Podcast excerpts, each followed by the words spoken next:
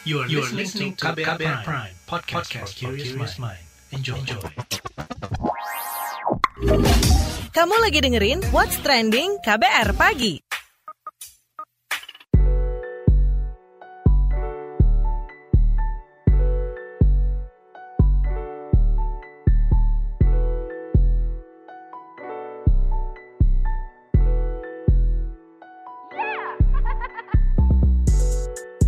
KBR Pagi, siaran pagi radio paling update. Selamat pagi, apa kabar Anda? Hari ini di hari Rabu 21 Juli 2021, Don Predi kembali menemani pagi hari Anda di What's Trending KBR Pagi pastinya. Well, PPKM darurat telah dijalani masyarakat sepanjang dua pekan nih. Selama itu pula berbagai pandangan soal kebijakan ini meramaikan media sosial ya. Di mana-mana kita melihat soal PPKM darurat. Pro dan kontra mewarnai. Begitupun ketika menginjak pada waktu akhir, keputusan untuk memperpanjang atau tidak PPKM darurat itu pun menuai kontroversi. Sebagian menginginkannya berakhir dengan alasan memberatkan perekonomian. Sementara sebagian lagi meminta dilanjutkan karena kasus COVID-19 yang semakin melonjak hingga membuat fasilitas beserta tenaga kesehatan kewalahan. Meski begitu, pemerintah kemarin telah memutuskan untuk memperpanjang PPKM darurat. Presiden Joko Widodo mengatakan pemerintah memutuskan untuk melanjutkan pelaksanaan PPKM hingga tanggal 25 Juli 2021. Presiden Jokowi juga meminta kita semua bisa bekerja sama dan bahu-membahu untuk melaksanakan PPKM ini dengan harapan kasus akan segera turun dan tekanan kepada rumah sakit juga menurun. Jokowi juga mengaku telah memerintahkan kepada para menteri terkait untuk segera menyalurkan bansos tersebut kepada warga masyarakat yang berhak. Lantas bagaimana respon netizen plus 62? Kita simak berikut ini.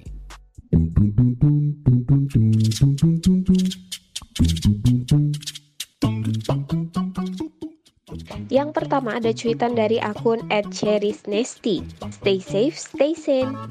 At overweight5 mencuit, Indonesian people turn into cavemen. Kemudian Ed Suryawan Hendry mengatakan lebih ke penekanan untuk protokol kesehatan 5M. Banyak penyekatan jalan justru menimbulkan kerumunan kendaraan di sisi lain jalannya. Beralih ke cuitan dari Diah underscore pan. Kalau mau diperpanjang jadi 6 minggu PPKM daruratnya, stop juga semua lembaga pembiayaan kredit, bank dan kawan-kawannya menagih cicilan selama 2 tahun. Gimana? Ed WHYKWJY mengatakan, Semoga ada skenario membantu rakyat yang tercekek. Ed Dena underscore aja mengatakan, maju kena, mundur kena. Kemudian ada cuitan dari at inter underscore Richard 30. Perpanjang juga percuma kalau pada nggak sadar diri. Lanjut ke cuitan at Devishel. Jangan terlalu banyak penyekatan, lebih baik masyarakat bisa menunjukkan sertifikat vaksin digital yang melanggar denda kecuali ada keterangan dari dokter kalau tidak bisa divaksin. At NHRHDYT mengatakan kalau perpanjang lagi jadi PPKM darurat banget. Beralih ke cuitan dari akun @wagimandip212 underscore. Daripada perpanjang PPKM darurat, mending orbitkan PPKM slow, tapi dengan wajib prokes dijalankan dengan sangat tegas. Yang kagak taat prokes dan nolak vaksin cukup didata, dianaktirikan, dan persulit urusan-urusan administratifnya.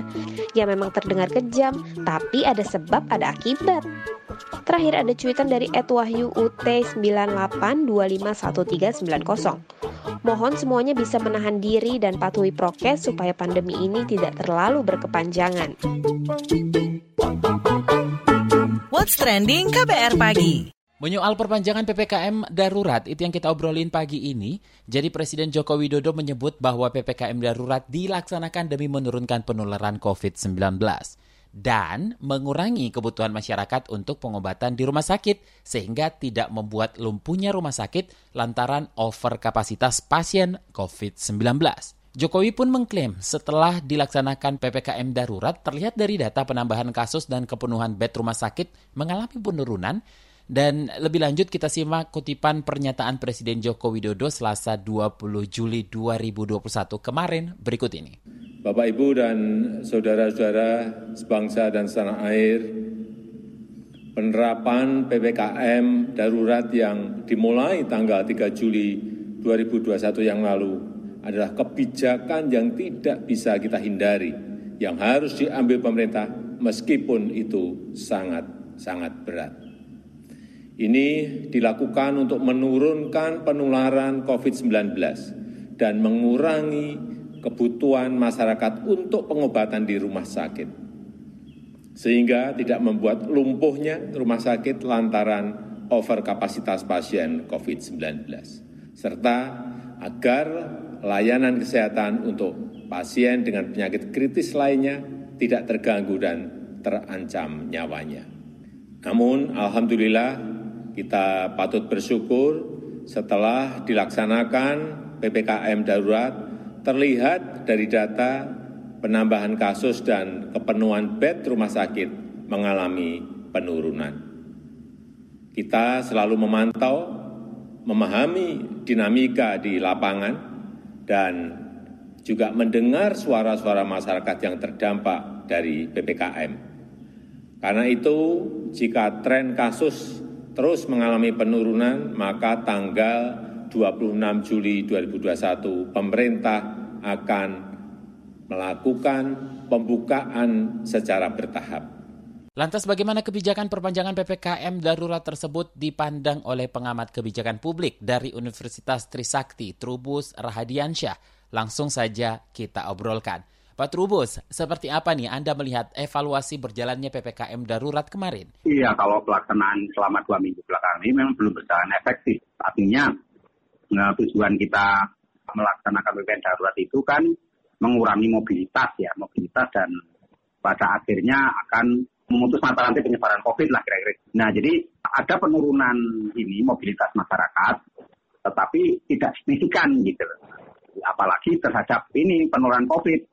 Bahkan penurunan COVID itu kemarin tanggal 15 mencapai puncaknya kan, tertinggi. Nah, yang kedua bahwa pelaksanaan dari pilihan darurat ini masih diwarnai persoalan karena kebijakan ini kan setengah hati ya. Jadi persoalan di mana daerah itu dalam melaksanakan sesuai instruksi Menteri Dalam Negeri nomor ini, ini Mendagri nomor 15 itu yang direvisi sampai nomor 20 itu intinya sebenarnya daerah itu banyak yang yang berkeberatan gitu loh, berkeberatan. Yang ketiganya bahwa kebijakan PPKM darurat ini selama ini memang masih diwarnai oleh kebingungan daerah dalam menerapkan yang namanya sektor-sektor yang boleh beroperasional dan sektor-sektor yang tidak boleh beroperasi. Nah ini menyebabkan di, di daerah ini terjadi kebingungan, kebingungan yang luar biasa karena ketika dia mau menerapkan apakah ini satu industri itu termasuk kategori non esensial atau tidak itu apa ternyata tidak mudah dalam implementasinya. Nah ini juga menjadi persoalan di mana kemudian daerah ini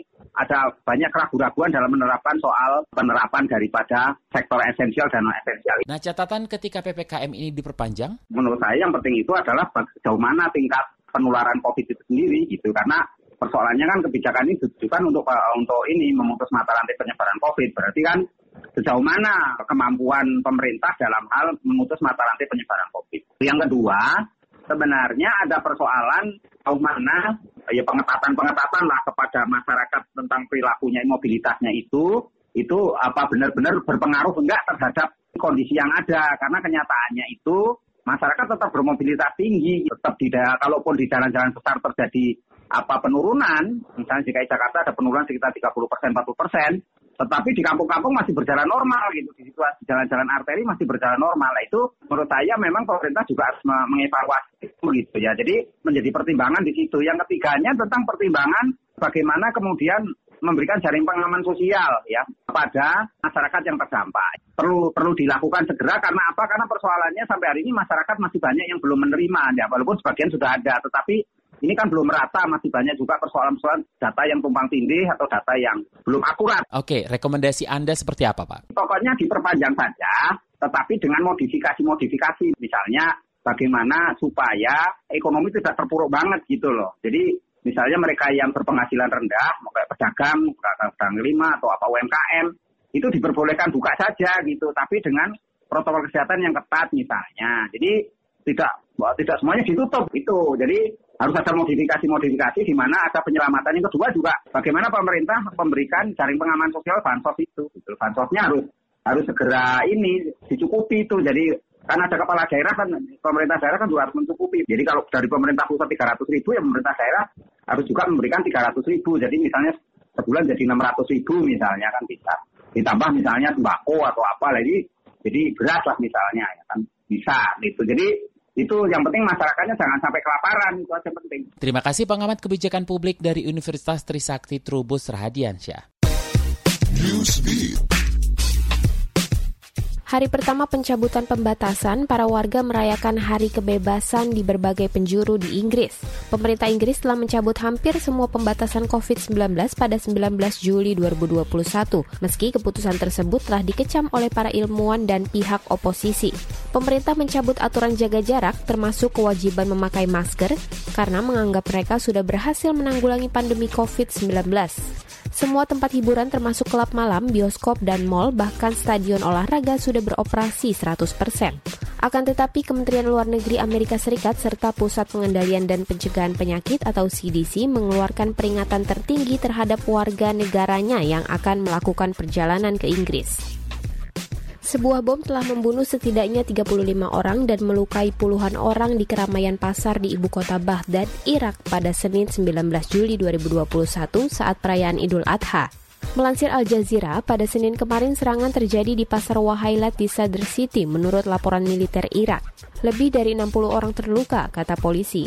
Sedangkan jumlah orang meninggal dikatakan dapat terus meningkat lebih dari 35 orang seiring dengan banyaknya korban kritis. Dalam sebuah pesan yang diunggah di saluran Telegram, kelompok bersenjata ISIS mengklaim pihaknya yang menjadi aktor di balik serangan ledakan teror tersebut. Paus Fransiskus menyerukan orang-orang untuk beristirahat sejenak dari rutinitas dan mematikan ponsel mereka. Seruan itu merupakan pernyataan pertama Sri Paus di Vatikan setelah dirawat selama 11 hari di rumah sakit. Pada awal Juli ini, pemimpin umat Katolik sedunia itu harus dilarikan ke rumah sakit di Roma, Italia untuk menjalani operasi usus. Kata Paus berumur 84 tahun itu, manusia harus berhenti sejenak dari rutinitasnya dan berdoa sebelum berada dalam aktivitas. Menurutnya, beristirahat itu tidak saja untuk tubuh, namun juga untuk pikiran. What's Trending KBR Pagi. Balik lagi di What's Trending KBR Pagi bersama saya Don Brady. Kita lanjutkan menyoal perpanjangan PPKM darurat. Jadi epidemiolog Universitas Indonesia Triunis Miko Wahyono menyebut tidaklah cukup waktu lima hari untuk menurunkan kasus COVID-19 di masyarakat. Menurutnya, tidak seharusnya nyawa masyarakat ditawar-tawar.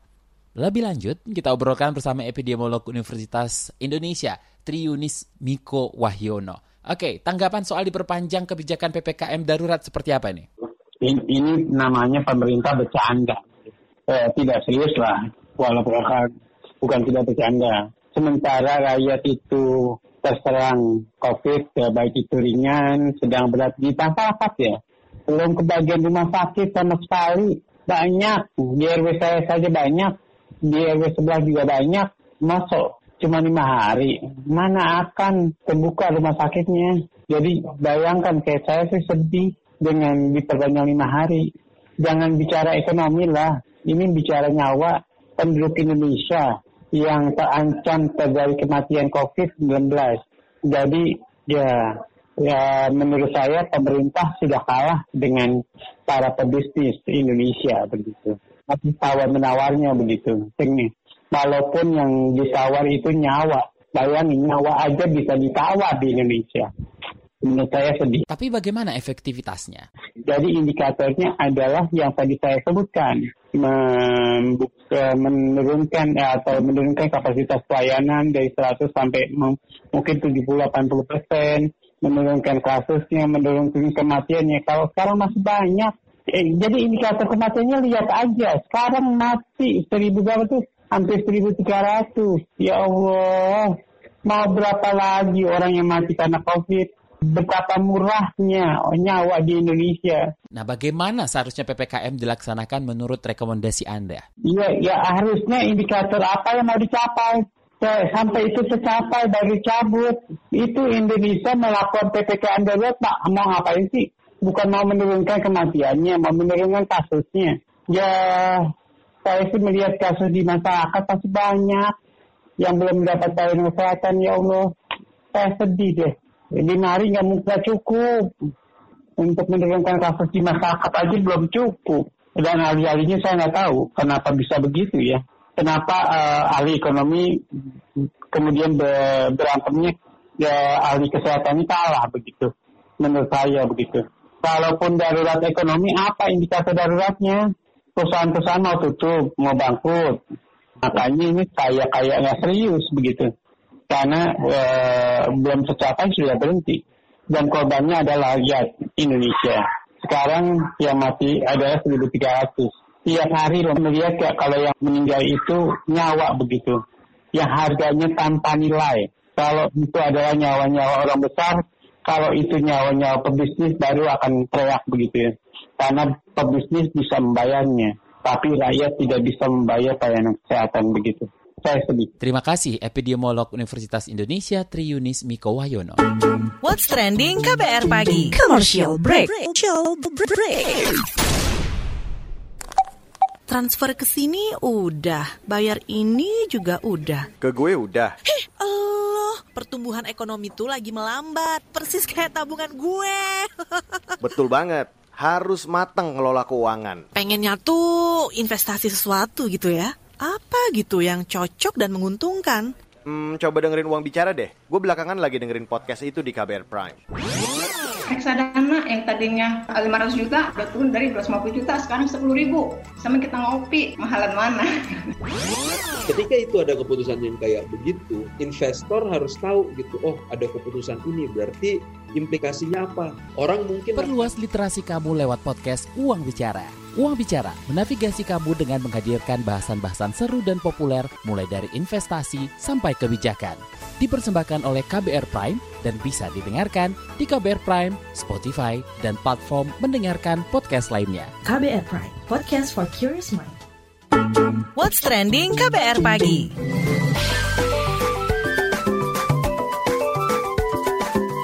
WhatsApp Indonesia.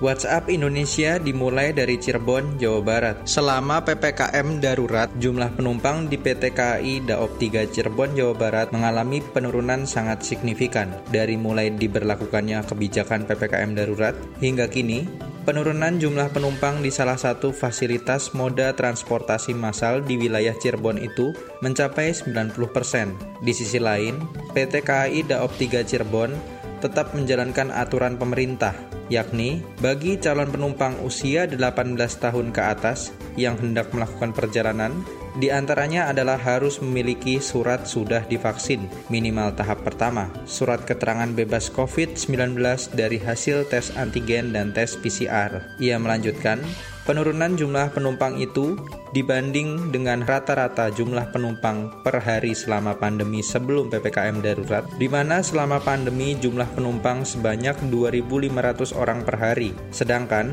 selama PPKM darurat sebanyak 250 penumpang per hari. Selain itu, untuk mendukung kebijakan pemerintah dalam PPKM darurat mengenai pembatasan mobilitas masyarakat, pihaknya merampingkan jumlah perjalanan dengan mengurangi kereta api yang beroperasi yakni dari sekitar 50 KA, kini yang dijalankan hanya 22 KA. Selanjutnya menuju Solo, Jawa Tengah. Solo mendapat hibah oksigen dari Singapura. Kepala Dinas Kesehatan Pemkot Solo, Siti Wahyuningsih, saat penyerahan 200 tabung oksigen dari Bea Cukai ke Pemkot Solo, mengatakan ratusan oksigen medis ini menambah pasokan di tengah menipisnya stok oksigen di Solo. Menurut Siti, Pemkot akan mendistribusikan ratusan tabung oksigen medis ini ke berbagai rumah sakit rujukan COVID di Solo.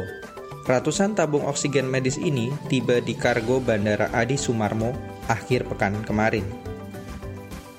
Terakhir mampir Banyuwangi, Jawa Timur.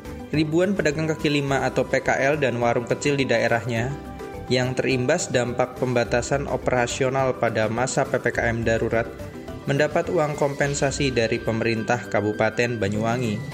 Bupati Banyuwangi, Ipuk Fiestandani mengatakan, program bantuan dari Pemkap Banyuwangi ini sebesar Rp300.000 per pedagang kaki lima atau warung kecil.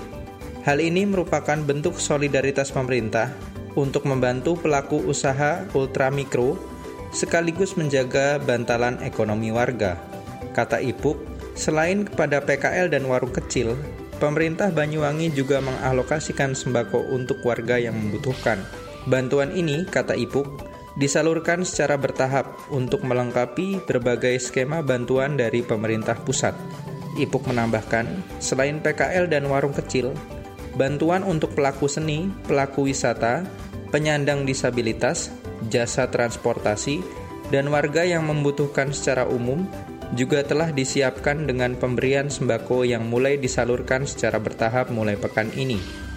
Demikian WhatsApp Indonesia hari ini.